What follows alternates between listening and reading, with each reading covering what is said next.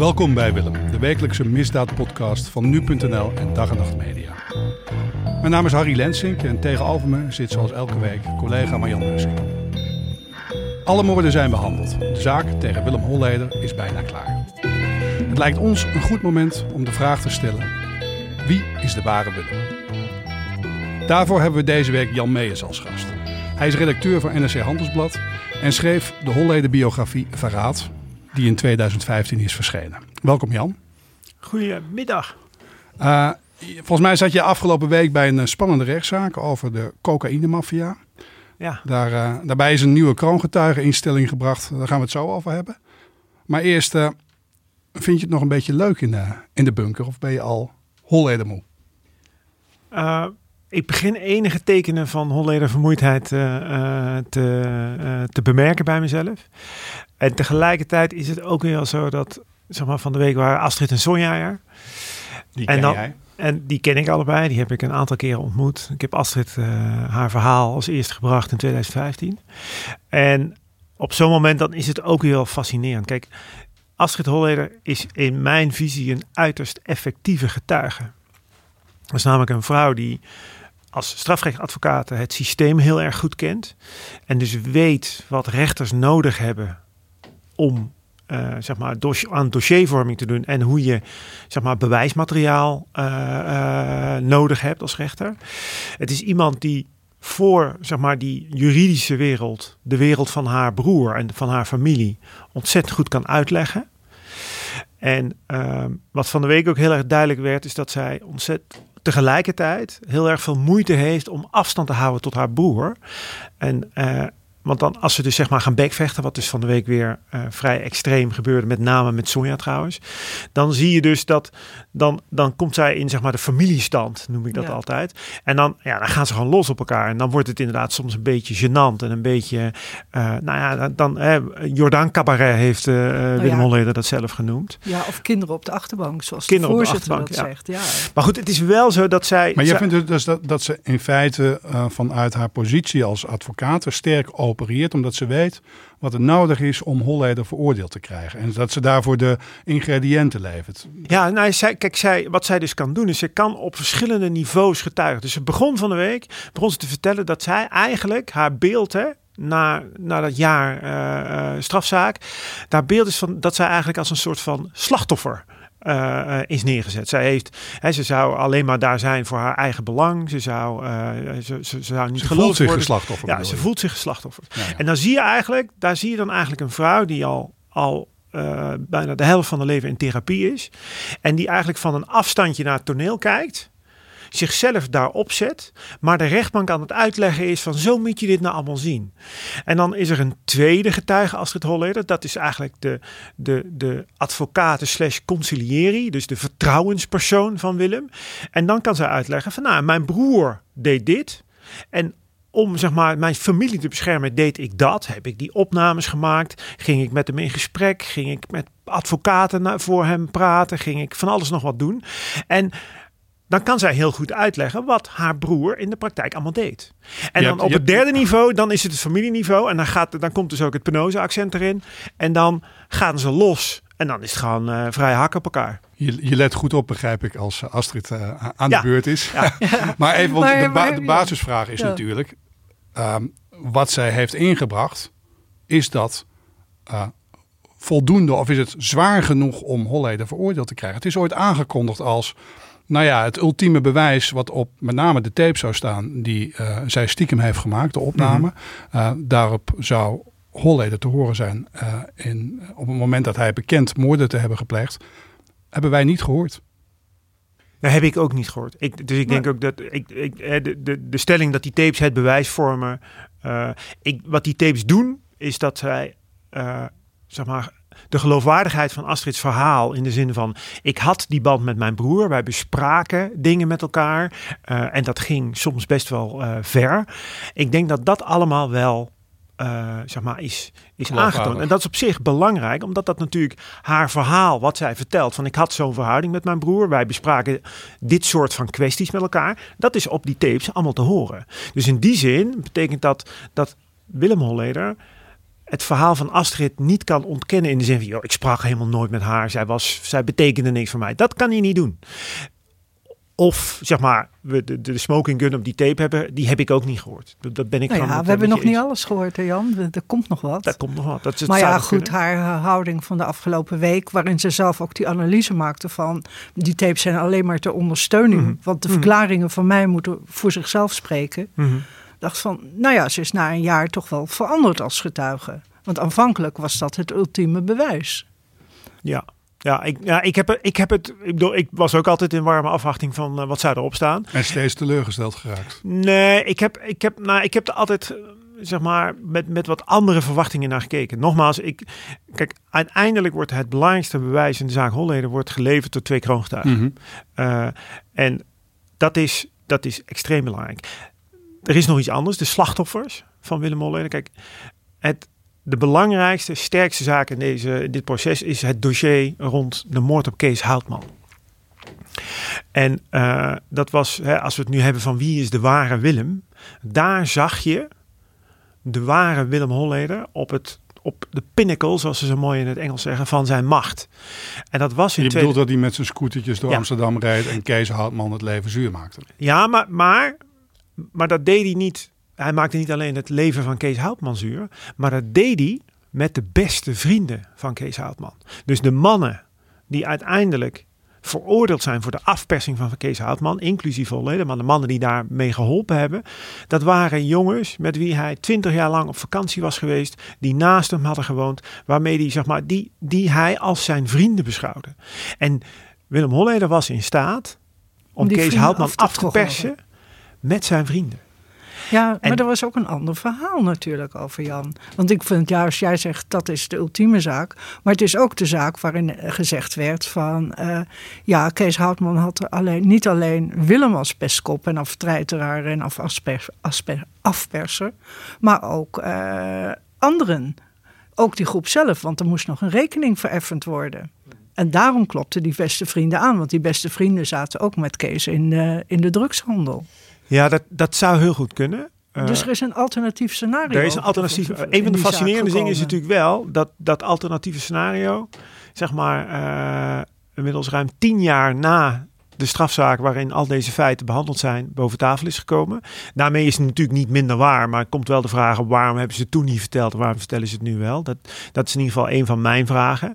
Maar wat je, wat je daar, eh, eh, nogmaals, als je teruggaat naar de ware Willem, wat je dan dus, de ware Willem is dus een man die zeg maar op zo'n manier met mensen om kan gaan. Een dus manipulator. extreem manipula- manipulatief eh, eh, eh, mensen in een hoek kan zetten en om daar zelf beter van te worden. Je hebt in je, in je boek heb je, ehm, dat zijn volgens mij tien hoofdstukken, waarin je in elk hoofdstuk een karaktertrek van hem behandelt. Ik weet niet of de manipulator ertussen zit, maar dat loopt van de, de overloper tot de psychopaat. Mhm.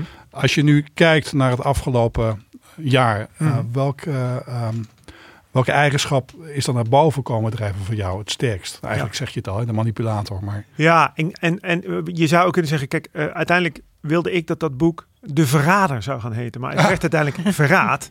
Maar kijk, Willem Holleder heeft in, ik- wat je zeg maar in de loop van zijn criminele carrière ziet, is dat hij constant nieuwe allianties heeft gesloten.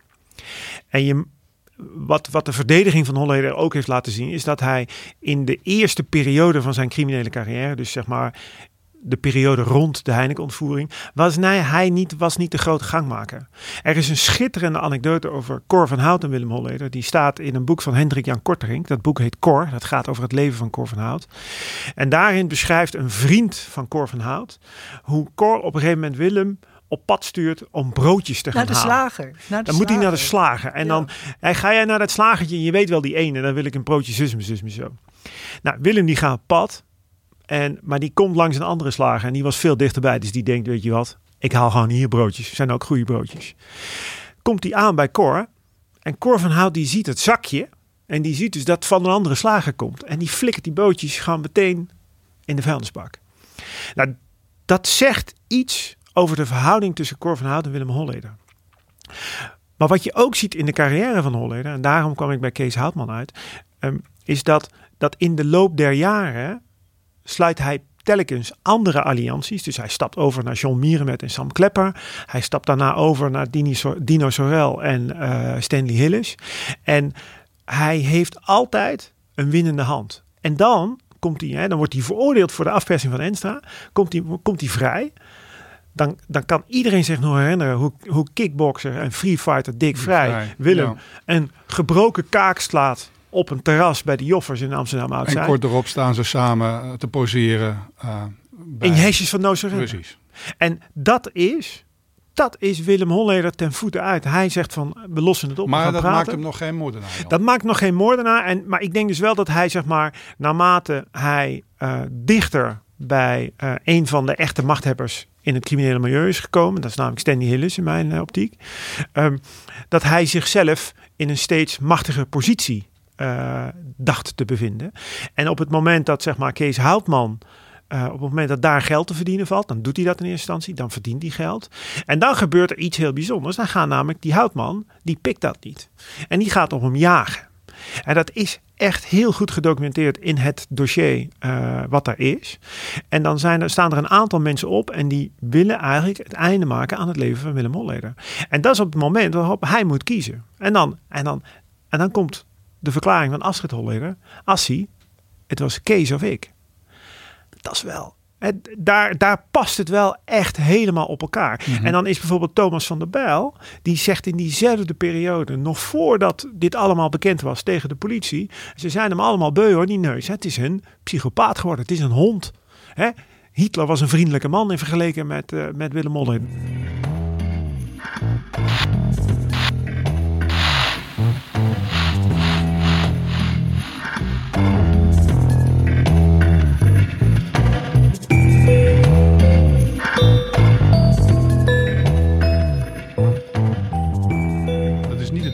Een hele machtige man. Als, als je vijanden zo over je praten. En, en nou ja, dat, dat. Het is dat, meer inderdaad kop op van je Jut. jagen.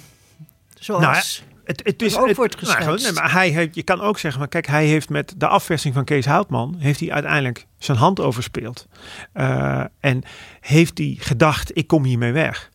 Is hij er niet meer weggekomen? En toen moest er op een gegeven moment een keuze gemaakt worden. En dan, als je, als je, maar als je dat dan ziet in de context en op een gegeven moment komt er een kroongetuige en die zegt, ik was ergens op het Schilderlandplein en daar hoorde ik uit de mond van Willem Holleder Osdorp eerst, Kees Houtman eerst. Nou, dat Als je dan weet dat diezelfde, maar als je dan ook weet dat diezelfde Kees Houtman een half jaar daarvoor tegen de politie heeft gezegd: Ik heb ruzie met Holleder, ben bij de, op, op het kantoor van zijn advocaat geweest, we hebben een kwestie.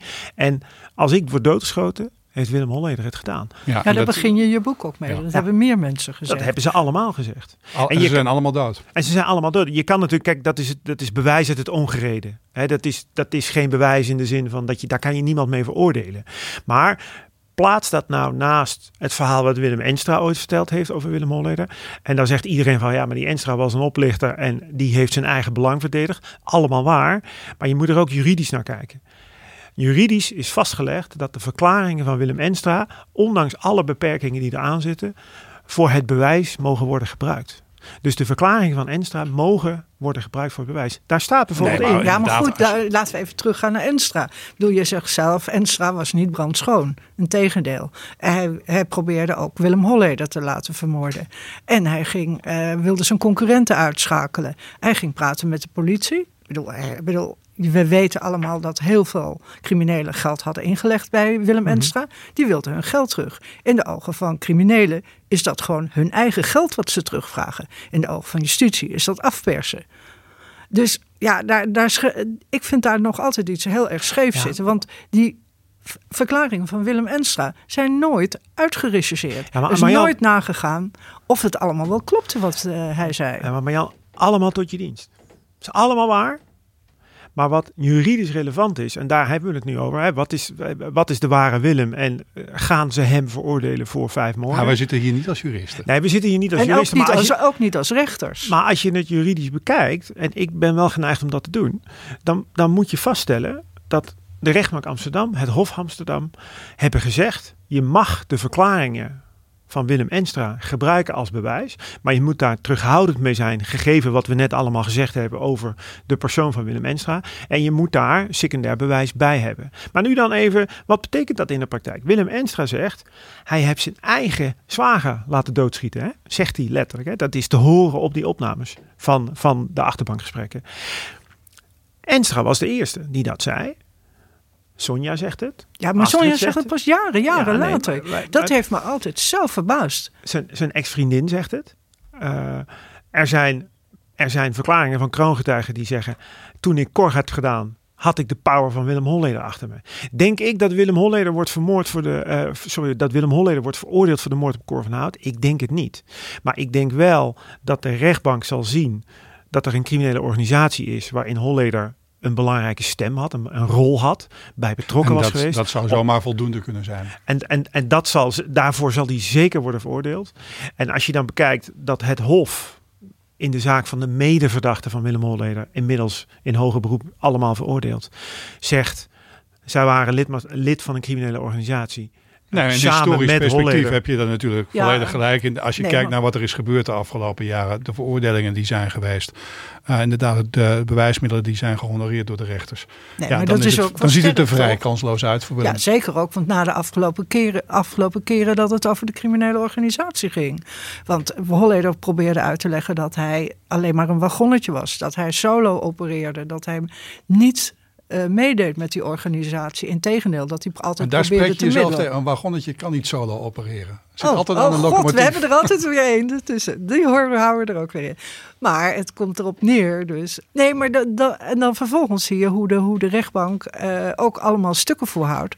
Waar, eh, waar observaties zijn dat eh, Willem contacten heeft met mensen die, die kennelijk verder gaan dan alleen maar even een broodje eten en een sociaal contact, een drankje drinken. Wat Willem zei over die contacten zei. Toen dacht ik van ja, je ziet gewoon hoe een vonnis bijna als het ware wordt opgebouwd. In ieder geval dat hij lid is van die criminele organisatie. En saillant, kijk, daar is door Peter R. de Vries, eh, is, zijn een paar dingen ingebracht die echt nieuw zijn. Die waren ook voor de kenner waren die nieuw. En een van die dingen was een brief die Willem Holleder zelf heeft geschreven en aan Peter R. de Vries heeft toegestuurd. En dan moeten we even een heel klein stukje context geven en dan komen we bij die criminele organisatie terecht. Wat gebeurt er in dat andere proces? Hij neemt gewoon de leiding Ja. af. daar hebben, Ja. we, daar hebben we Dino Dit is de Sorel. podcast van... van eh, Nee, maar daar hebben we Dino Sorel. ja. En Dino Sorel die wil op een gegeven moment Willem Holleder horen als getuige in zijn eigen strafzaak. Dus de advocaten van Dino melden zich bij de advocaat van Willem. Dit is wat we gaan doen. Volstrekt gebruikelijke gang van zaken. Dat wordt door Willem heel groot gemaakt. Sorel is mij aan het afpersen en aan het bedreigen. Want hij wil mij horen als getuige. Hij wil Wat- dat ik een belastende Ja. verklaring afleg. Ja, wat, wat daarvan Dat is iets anders. Ja, wat daarvan zei, daar zei daarvan. Maar vervolgens is zeg maar die hele kwestie rond de vraag wordt. Hè, de ene kamp zegt we wilden Willem gewoon horen als getuige. De andere kamp zegt Willem wordt afgeperst. Wat daarvan zei, ik ben er niet bij geweest. Maar wat er daar gebeurt is heel belangrijk. Dan schrijft Holleder een brief aan Peter R. Vries over zijn verhouding met diezelfde Dino Sorel. En daarin worden dus allerlei dingen gemeld die inhoudelijk relevant zijn. En alle vragen die de rechtbank en het Openbaar Ministerie over die brief hebben willen stellen, of hebben gesteld, daarvan zegt Willem Holleder, daar wil ik niet over praten. Nee, ik want ik- mij op mijn die brief- zwijgrecht. Want die brief had niet openbaar gemaakt mogen worden. Ja, maar, maar En- dat is... en dat- wil- is natuurlijk een, een vrij eh niet-zeggend argument. eh. nee, tuurlijk. Maar Dat dat kan is- je zeggen, maar hij is openbaar. Hij ligt er nu. En het is, het is aan het Openbaar Ministerie en de rechtbank om te beoordelen wat die brief zegt over het verhaal dat Willem Holleder vertelt over zijn verhouding met Dino Sorel. En als je dan weet... Als Jan, je, maakt het, je maakt het ingewikkeld, denk ik, ook voor onze luisteraars.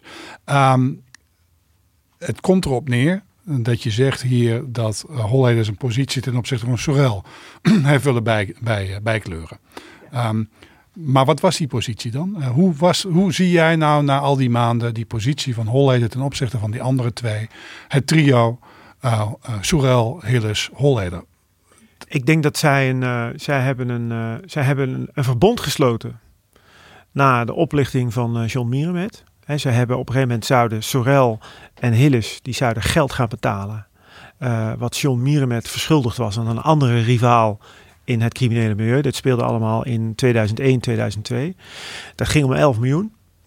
Die poen hebben ze in hun In eigen, hun zak, eigen zak die gestoken. hebben ze in hun eigen zak gestoken. Ja. En Holleder was daarbij. En Holleder Ja. was op dat moment denk ik gewoon nog een bemiddelaar tussen Hillis aan de ene Ja. kant en Mierenmet aan de andere En dan kant. krijg je weer die positie die je dan schetst, dat hij moet kiezen en dan En kiest dan voor de hij voor de winnaar. sterkste. Ja. Dan kiest hij voor Hillis. Eh, en op dat moment verraadt hij dus Mierenmet. En je kan bijvoorbeeld in, in de... In de er zit ontzettend veel in het dossier, zit ontzettend veel eh, welk afgeluisterde dossier? telefoons. In het, in het Holleder Ja, dossier. in het Holleder dossier. En wat zie je dan? In die periode voordat dat allemaal gebeurd is, dan, dan spreekt Willem Holleder heel regelmatig met John Mierenmet over de telefoon. Gaat allemaal over koetjes en kalfjes veelal. Ja, op broodjes het- halen. En op het moment dat dat, dat, zeg maar, dat geld betaald is, dan zie je in één keer Dino Sorel in de tijdlijn, zouden we nu zeggen, van Willem Holleder terechtkomen. En dan zie je dat Holleder met Dino Sorel gaat bellen. Dan zie je dat Dino Sorel op een gegeven moment, dat ze, eh, dat ze samen worden Maar aangehouden. volgens mij is er iedereen het daar ook wel over eens. Is dat, ehm, nou, misschien dat Holleder dat nog bestrijdt. Maar volgens mij zijn alle procespartijen. eh, bestrijden die dat niet. Is het veel meer een kwestie van hiërarchie die nu voor ligt. Dan van zijn die banden er wel of niet geweest. Nou, de vraag is hoeveel die hiërarchie er nou eigenlijk echt toe doet.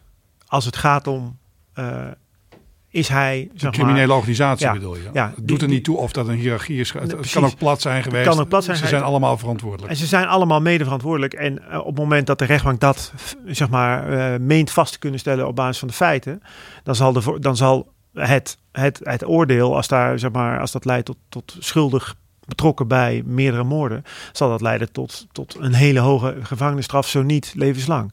Eh, dus, dat is, dus het is voor journalisten interessant, van de kenners van het, het, het gevecht in de Amsterdamse onderwereld, wie was nou eigenlijk de baas? Maar of dat juridisch zo relevant is, weet ik niet. En ik denk eerlijk gezegd dat je wat je, wat je ziet, is dat door de mensen die dat wereldje van dichtbij kennen, die zeggen allemaal Stanley Hillis, dat was de echte baas. En Holleder, die deed zelf niks. Dat hoor je heel veel mensen zeggen. Dat was, dat was een intrigant, een afperser, een meeloper, een, een uitzuiger. Dat soort van termen hoor je als je gaat praten over Holleder in, hè, met mensen die hem in, in die periode in de onderwereld hebben meegemaakt. Ik denk dat hij met, met de kennis van nu, denk ik, als je terugkijkt naar die periode, dat hij zich gesterkt voelde door de steun van een aantal hele sterke pionnen in het Amsterdamse milieu. En op grond daarvan Nou ja, dat, ho- dat, de dat, Hells ge- Angels ja, bijvoorbeeld. dat gevecht met Kees Houtman aangegaan. En dat het daar uiteindelijk voor hem misgaat. In de zin dat hij voor die moord zal worden ver- eh, veroordeeld. Maar resumerend inderdaad, ehm, het doet er niet zoveel toe waar hij stond. En zoals het er nu uitziet, eh, is het voor Willem over en sluiten. En gaat hij voor levenslang achter de tralies. Dat is Ja, denk of- ik... Nou, ik wil nog Of voor wel 30 wat jaar. vragen aan, aan je. Ik bedoel, is jouw beeld, je hebt het boek gemaakt van Willem Holleder. Mhm. Ehm, je hebt ook gezegd, Willem Holleder zelf heb ik nooit van mijn leven gesproken. Mhm. Je hebt hem nu meegemaakt, nu bijna 50 keer in de rechtszaal. Eh, is je beeld veranderd over hem? Nee, want dat, kijk, wat, wat er dan weer gebeurt in zo'n week als deze week, als er zo'n zo'n schelpartij met, eh, met Sonja eh, plaats gaat vinden. En dan, kijk, want we hebben het natuurlijk over die bandjes gehad. Je hebt dat ene iconische bandje met, moet je luisteren, box, wat durf jij mij hier tegen mij te zeggen op straat, hè? kankerhoer. Dan krijg je die hele, Ja. dat is natuurlijk, dat, dat heeft zich de afgelopen week in de rechtszaal weer voorgedaan. Dat die soort van schelpartij. En daar, daar zie je dat op het moment dat hij zich uit de tent laat lokken, dat hij eigenlijk het beeld bevestigt van wat wij met, met z'n allen allemaal hebben. Eh, en ik denk, ehm, ik, ik, nou er, zijn zeg maar in, in dat grote dossier zijn een aantal bepalende momenten voor mijn beeldvorming over hem. En een van die momenten eh, is, een, eh, is, een, is, een, is een, een ruzie die zich voordoet op een parkeerterrein bij de omval. Dat is een cafeetje eh, achter Ah. het Amstelstation. Dat speelt Met in dat broodje, 2002. met dat broodje halen. Ja, en dan gaat hij daar een broodje, dan uitdelen. gaat hij een broodje halen en dan staat hij dubbel geparkeerd. En dan zegt iemand, zeg maar een bediende op het terras, die zegt er wat van. En dat meisje, die wordt op zijn holleders helemaal de mantel uitgeveegd. Dan heeft ze nog mazzel dat ze geen klap heeft gekregen. Precies. Want daar zijn natuurlijk ook voorbeelden Ja, van. daar zijn voorbeelden, daar zijn voorbeelden van. En, maar, en dit, dit kwam allemaal in de herhaling eh, terug dit voorjaar op, tijdens de strafzaak. En dan ging het over, het kreeg op een gegeven moment, toen ging die bellen met een vriendin van hem. En ehm, de man van die vriendin, die had een pandje gekocht of verkocht. En Holleder vond daar wat Oh, van. met dat meisje aan Ja. de telefoon. En dan komt op een gegeven moment het dochtertje van die vrouw aan de telefoon. En dan, dan, dan gaat Willem van, hé hey, schatje, hoe is het met je lieverd? Bladibla, mag ik je moeder even? En vervolgens gaat hij in de overdrijf schelden. En dan, Maar ja, het is een jongen van de Ja, straat, ja, Jan. maar, maar, maar dan hangt hij op. En dan belt hij vijf minuten later belt hij terug.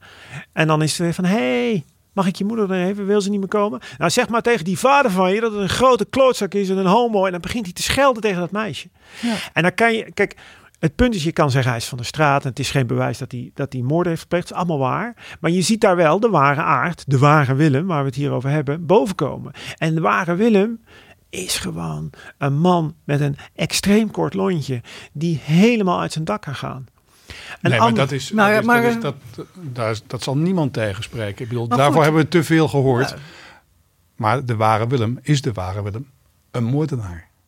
Ja, En die vraag, ja goed, we kunnen Ja. hem opnieuw stellen. En we hebben er nu al veel over gesproken. Laten we naar een ander onderwerp gaan. Nou ja, ik wil nog een één dringende vraag. kwestie Ja, nee, ik heb nog een dringende vraag. Is het beeld over de zussen veranderd? Want kijk, die zussen hebben altijd gezegd: wij zijn slachtoffer, zijn zo bang. En eh, wij, wij hebben alleen maar eh, geacteerd aardig tegen Willem, omdat eh, we eigenlijk bang voor hem waren. Maar als je die scheldpartijen in de rechtszaal hoorde, had ik niet het idee dat ze bang waren voor Willem. Ze konden er zelf ook wel wat van. Ja, ik denk, ik, kijk, wij hebben natuurlijk allemaal gefascineerd gekeken en geluisterd naar de, naar de, naar de, de, de, de, de, omgangsvormen in het lands bekendste criminele familie. Eh, mijn beeld is, ik, het punt is, wat ik, wat ik van Astrid vind, haar verklaringen, is dat zij spaart niemand. Als, als, je, als je dus aan de ene kant weet dat zij, dat zij op een gegeven moment verteld heeft van God, toen we dit allemaal zijn gaan doen en toen het allemaal naar buiten kwam, hebben Sonja en ik als twee jonge zussen weer gewoon samen in hetzelfde bed geslapen om, om steun te zoeken bij elkaar. En tegelijkertijd zegt zij gewoon keihard op zitting. Ja, Son deed wel of dat geld van haar was. Maar dat was natuurlijk helemaal niet zo. Dat was gewoon geld van meneer Heineken.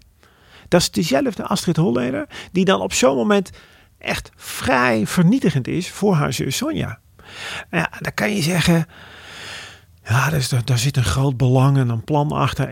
Ik heb al die eh, eh, theorieën gehoord. Ik heb met collega-journalisten er eh, soms tot, tot, tot op, tot op zeg maar, op, met, met heftige woorden discussies over gehad. Ik heb het bewijs daarvoor niet gezien. Zijn, ben ik erbij geweest? Nee. Zullen die, zullen die vrouwen op alle punten zeg maar, hun eigen rol helemaal hebben willen of kunnen belichten? Vast niet. Maar ik heb, ik heb niet gezien welk belang Astrid Holleder voor zichzelf met deze hele actie heeft bediend. Ik, het is er volgens mij niet. Oké.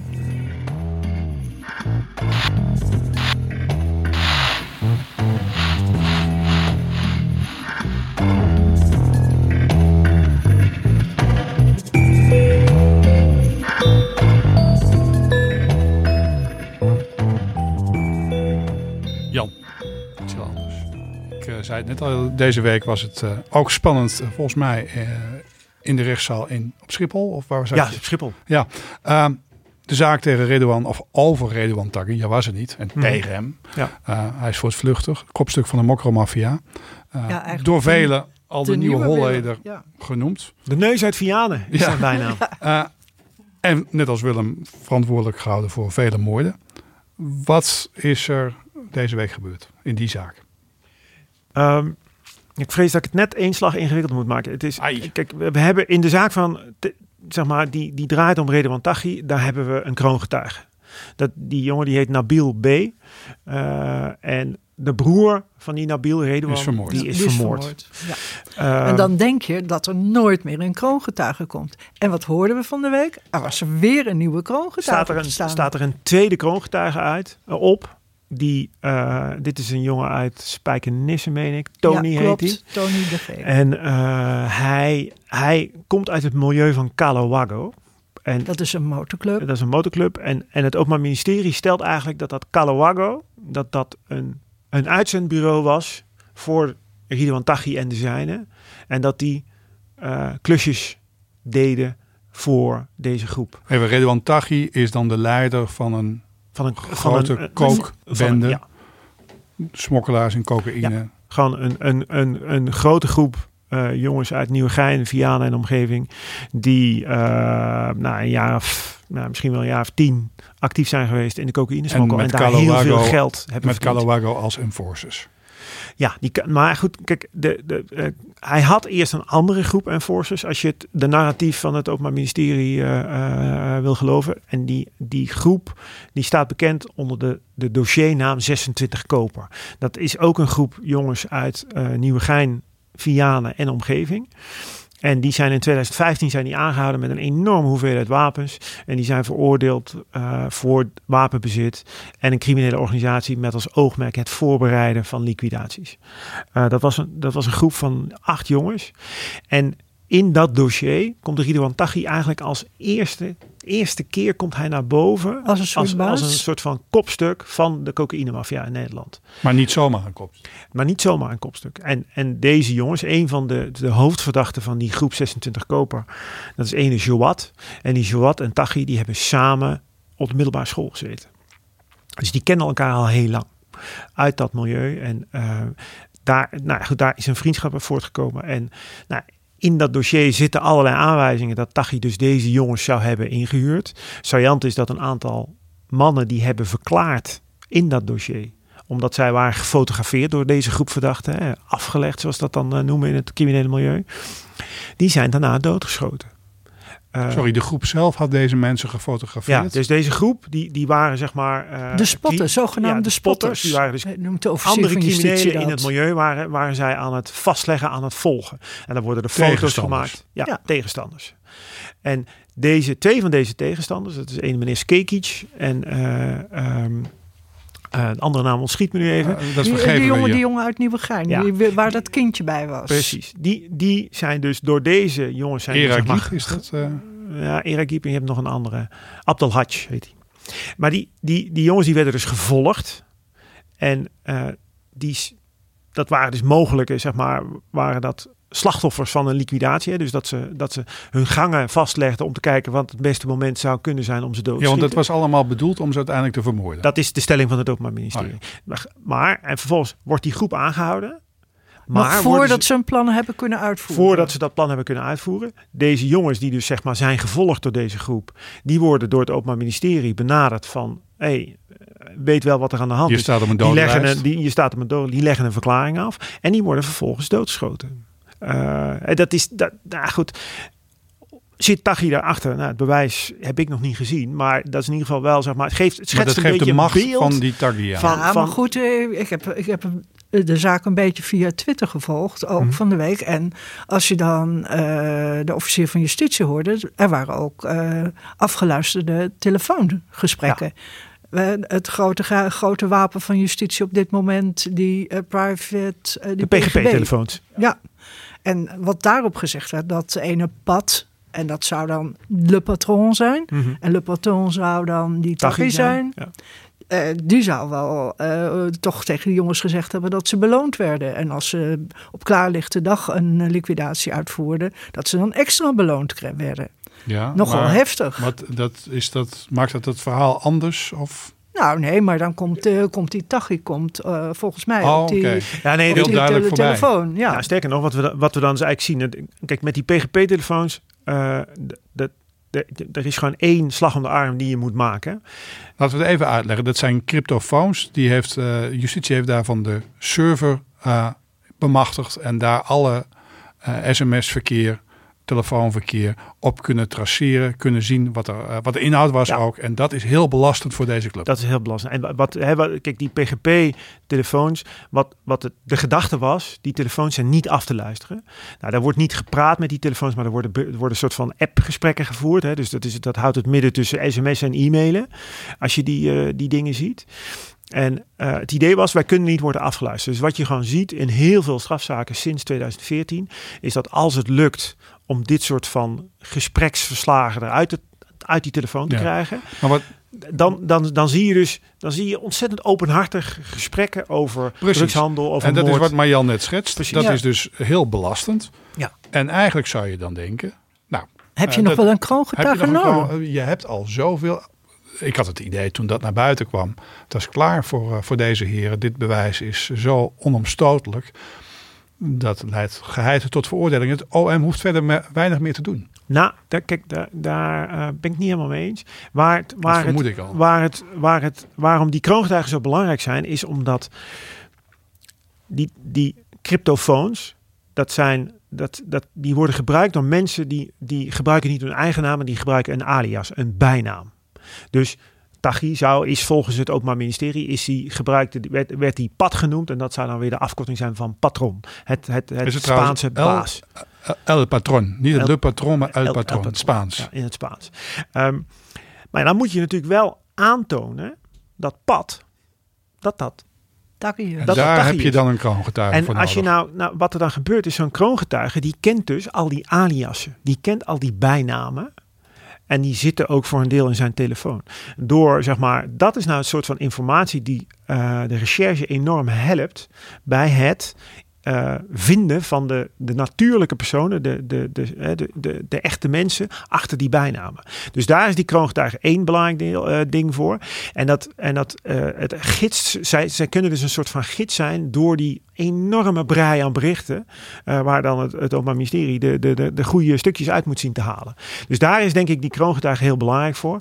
En daarnaast is het natuurlijk zo dat het, het gaat om een hele serie moorden.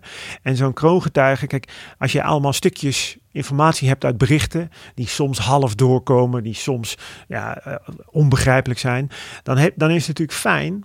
Kijk, wij vertellen verhalen, maar officier van justitie vertellen ook verhalen. En dan is het fijn dat jij zo'n kroongetuige hebt die, die, die jou als een soort van gids, kan knopen. Die, ja. die, als een soort van gids door, door, uh, door dat geheel kan, uh, kan brengen. Jij, jij, jij volgt deze zaken al lang. Um, ik weet eigenlijk niet zo heel veel van die Taggi. Maar behalve dan dat het een hele grote jongen is. Mm -hmm. uh, jullie noemen hem net al uh, El Patron.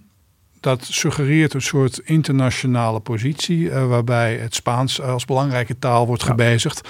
Ja. Um, is dat ook zo? Het is een jongen uit Nieuwegein. Maar dat is hij al lang niet meer. Nee, het verhaal wil dat deze uh, Ridwan Taghi... was, was eigenlijk zijn... Hij was een lulletje op het schoolplein.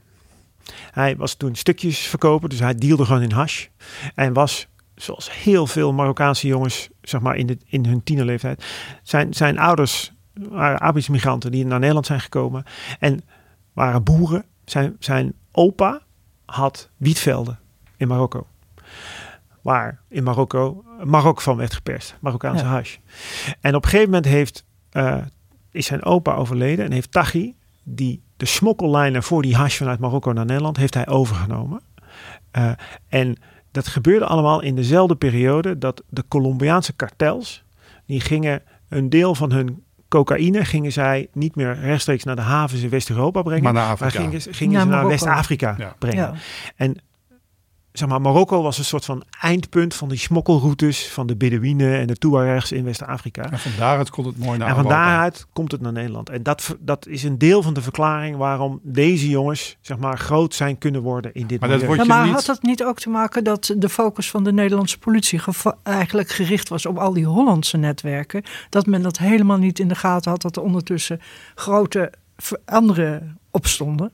Nou ja, goed, we, kijk, we hebben het net over Holleden gehad in zeg maar 2010, 2011, 2012 had men het idee, we hebben die Hollandse netwerken effectief redelijk ontmanteld. We hebben de kop van de slang af gehakt. Stanley Hillis was dood, Dino Sorel zat vast, Willem Holleder zat vast, Danny K. Maar die slang had een paar flinke vast. eieren gelegd. Ja. En, en die, maar daar waren, dus, daar waren dus andere jongens in opgekomen. Ja. En vervolgens werd de cocaïnehandel is gewoon echt vele malen groter geworden. En um, als je dan de rekensommetjes maakt, als je ziet de hoeveelheid geld die je met een kilo cocaïne kunt verdienen, met smokkelen daarvan, ten opzichte van de hoeveelheid geld die je met hash kunt verdienen, ja, dat is gewoon een factor 10 of misschien dat wel leidt meer. dus tot Ja. meer uh, macht, tot meer, macht, meer geweld, machtsmisbruik en daarmee ook een grotere onaantastbaarheid. Ja, nou ja, de, de, dus de financiële belangen zijn groter. Uh, wat betekent dat zij veel, veel meer mensen aan hun kaart kunnen binden, omdat ze gewoon veel meer geld te vergeven hebben. Uh, de, de, de jongens die zich, zeg maar, die, die dachten van, ik wil ook die mooie auto. Ik wil ook die dure scooter. Ik wil ook die, die, die fancy kleding. En ik, eh, met, met voetballen gaat niet lukken. Met muziek maken gaat niet lukken. Op school gaat niet lukken. Dus ik zet de stap naar de misdaad. Nou, daar zijn door collega's eh, een aantal goede boeken over geschreven. Hoe dat proces in zijn werk gaat. En je ziet eigenlijk dat aan het begin van dit decennium, dus rond 2010, dat, dat de politie daar gewoon, die hebben dat onderschat. Die hebben de macht van die cocaïne, van die cocaïne-euro's hebben zij niet goed ingeschat. En daar is dus een heel leger ontstaan, ehm, wat, uh, ja, wat van die handel leefde. Nou, in 2015, als deze Ridwan Taghi dus al behoorlijk grote jongen is in het criminele milieu, komt hij in beeld. We hebben net geschetst hoe dat is gegaan. En dan heeft eigenlijk gewoon niemand weet wie hij is en waar hij voor staat. En de dan, politie staat met 10-0 achter. Die staan met 10-0 achter.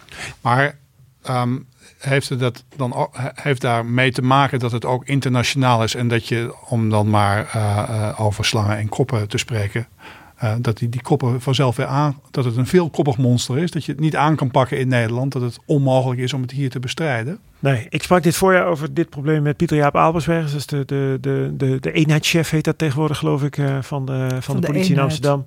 En die zegt, ons probleem is tweeledig. Wij, wij kunnen, als wij alle cocaïnegebruikers in Nederland willen gaan vervolgen voor het gebruik van cocaïne, het is niet legaal, het is gewoon strafbaar, vergeet dat niet. Uh, dus als, als iedereen zegt het boerkaverbod moet worden gehandhaafd, een verbod op het gebruik van harddrugs wordt ook niet gehandhaafd, maar dat tezijde.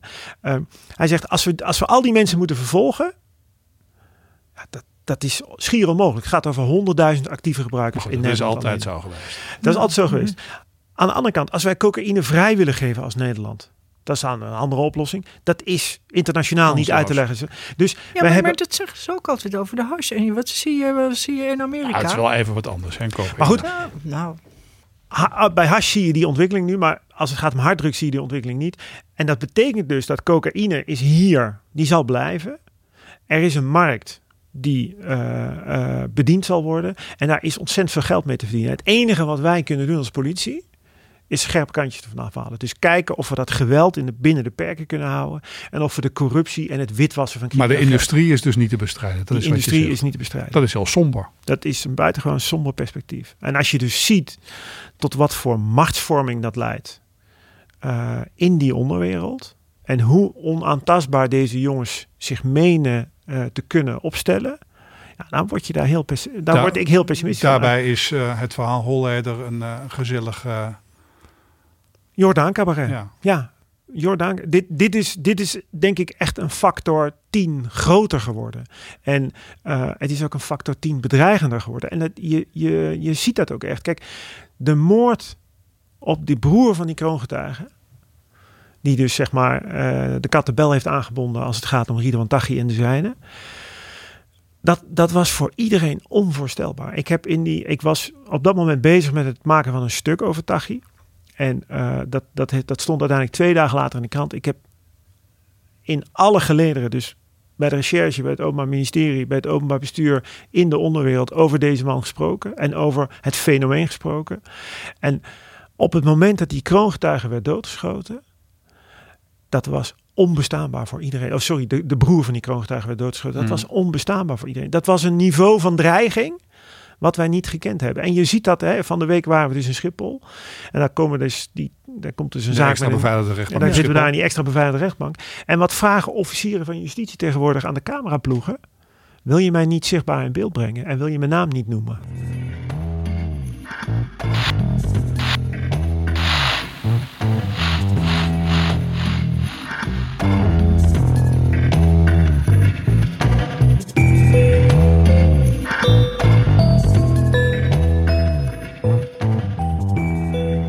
Is uh, Nou ja. een, een, een goed punt wat je daar aansnijdt. We hebben hier uh, het ook al eens gehad uh, over Paul Vust, onze collega die bedreigd is door waarschijnlijk deze types. Jij bent nu bezig met een boek over Mhm. de cocaïne-maffia. Waarom in godesnaam zou je je daarin willen verdiepen? Nou goed, ik, kijk, je, je kunt moeilijk zeggen dat het maatschappelijk niet relevant is. Want ik denk dat het maatschappelijk extreem relevant is. Um, En eh, ja, als, je een, als je een fascinatie hebt voor misdaad en je ziet dit voor je ogen gebeuren, dan, uh, ja, dan, dan is het ook gewoon, het is, het is mooi om het uit te vogelen en te kijken, te begrijpen wat er speelt. En ook dus te begrijpen hoe het kan dat, dat zo'n, volgens inmiddels iedereen zo'n grote jongen als Ridwan Taghi, eigenlijk jarenlang onder de, onder de waterlijn kan blijven en onzichtbaar is en niet bekend is voor, voor iedereen uh, in, hè, bij de recherche en het Openbaar Ministerie. Dat, is, ja, goed, dat, dat, dat fascineert mij. Als je dan de geweldslatentie kent, de, de, de mogelijkheden die deze club heeft en die club schroomt ook niet om mensen aan te pakken die een onwelgevallig zijn, ben je dan terughoudend? Nou ja, kijk, eh, denk eens na over. Ik bedoel, het was uh, geen echte collega, Martin Kok. Maar er wordt wel er was, was deze week ook weer een zitting. En dan uh, wordt er toch een link gelegd met de organisatie van die Taghi. Dat hij mogelijk ook achter deze moord op deze misdaadvlogger, ja. blogger uh, zou zitten. Ja, kijk, mijn stelling, mijn stelling als het gaat over het verslag doen van de georganiseerde misdaad... is dat je, je juist om die reden, en dat, dat, dat geldt volgens mij altijd als het gaat om, om georganiseerde misdaad... je, je, je moet, je, als je zeg maar voor politie en justitie uit wil gaan lopen. En jij dus degene bent die bijzondere informatie heeft die niemand anders weet. Dan heb je gewoon een serieus probleem. Dus dat, dat is, het is bij uitstek een, een volgend vak. Zeg maar. Nou ja, dat nou is precies wat we bij Holleden natuurlijk ook zagen. Ook waar John van ja. der Heuvel op een gegeven moment informatie van Mieren met op straat gooide. Nou, dat klinkt oneerbiedig, maar een interview met hem publiceerde. En dat heeft geleid tot nou, veel reuring. Het was uh, de lont in het kruidvat. En dan zie je ook inderdaad dat... dat uh, dat Van de Heuvel bedreigd wordt. Ja, die is, toen, die is toen heel serieus bedreigd. Uh, uh, en dat geldt altijd. Dus maar, kijk, het heeft ook een beetje te maken. Ik werk, voor, ik werk niet voor de Telegraaf, ik werk voor NRC. En wij we, we, we, doen het iets beschouwender als het gaat. Dus we, zeg maar, het, het, het, waar het mij om gaat is... ik probeer mijn levens uit te leggen. Waar gaat dit nou eigenlijk over? Waar, waarom hebben die gasten een ruzie met elkaar? En waarom moet dat dan leiden tot moord en doodslag? Wat, wat is nou de ratio erachter? En wat zegt dit nou over de maatschappij waarin wij leven? En nou ja, hoe, hetzelfde ja, NRC publiceerde tot voor kort volgens mij geen gesprekken met criminelen. Uh, en liet uh, zijn redacteuren niet uh, in het hols van nacht op donkere parkeerplekken praten met duistere types. Dat klopt. Ik, ik, ik heb daar wel een, ik heb daar een verandering. ik, ik, ben daar, ik ben daar anders over nagedacht. Dus nogmaals, ik heb ik, toen ik Holleder tegenkwam in de rechtbank in, in, in, in Haarlem en, en ik zeg maar op een afstand stond van hem, zoals ik nu tot, tot, tot jullie zit, toen durfde ik niet. Toen durfde ik niet naar hem toe te gaan en zeggen van ik ben Jan Meijers en ik, ik ja, kunnen we eens praten. En ach god, toen ik dat boek helemaal gemaakt had, dacht ik, ik ga toch een tijdje met dit. Ik ben toch nog een tijdje met die materie bezig. Laat me, laat me gewoon maar eens uh, een paar jaar misdaadverslaggeving doen. Kijken waar ik uitkom. Ja, dan kom je er op een gegeven moment ook achter dat je dat je, ja, je kan geen parlementair verslaggever zijn zonder met politie te praten. En nou goed, misdaadverslaggever zonder met criminelen, dat, dat te praten, dat wordt toch een beetje een gemankeerde vorm van, uh, van, van misdaadjournalistiek. Dus ik, ik heb vervolgens gedaan wat jij zegt. En ik ben inderdaad naar, naar, naar donkere parkeerplaatsen gegaan. En duistere, duister, ik kom, kom veel op duistere bedrijventerreinen. En, uh, en de krant keek met verbijstering naar zijn verslaggever? Of, uh, wordt er ook tegen jou gezegd, ga je boeven vangen als je vertrekt? Uh, nee, maar ze, ze, ze, ze zeggen eigenlijk vooral, uh, ben je voorzichtig. En zorg dat je veilig bent. En maak goede afspraken over wat je doet, met wie je doet. En, en zorg dat wij weten waar je bent voor het geval het een keer fout zou gaan. Nou ja, als je met open vizier gaat. Uh... Ja, en ik, wat ik overigens ook Om doe. dat woord maar eens te gebruiken. Ja. oh, en, en, God, en, dat betekent, uh, nou ja, God, wederhoor in de onderwereld. Het is, ja. het, is, het, is, het, is een, het, is een, het is wat anders dan, uh, dan wederhoor bij een groot bedrijf of bij een politicus. maar aan de andere kant, over het algemeen kan ik eigenlijk met de meeste mensen met wie je contact hebt redelijk een redelijk normaal gesprek voeren. Nee, maar dat is ook zo. Kijk, als je de onderwereld niet vraagt om hun commentaar, dan zijn ze ook heel erg pissig over je. Ja. Als je maar zo out of the blue jouw verhaal schrijft. Ja.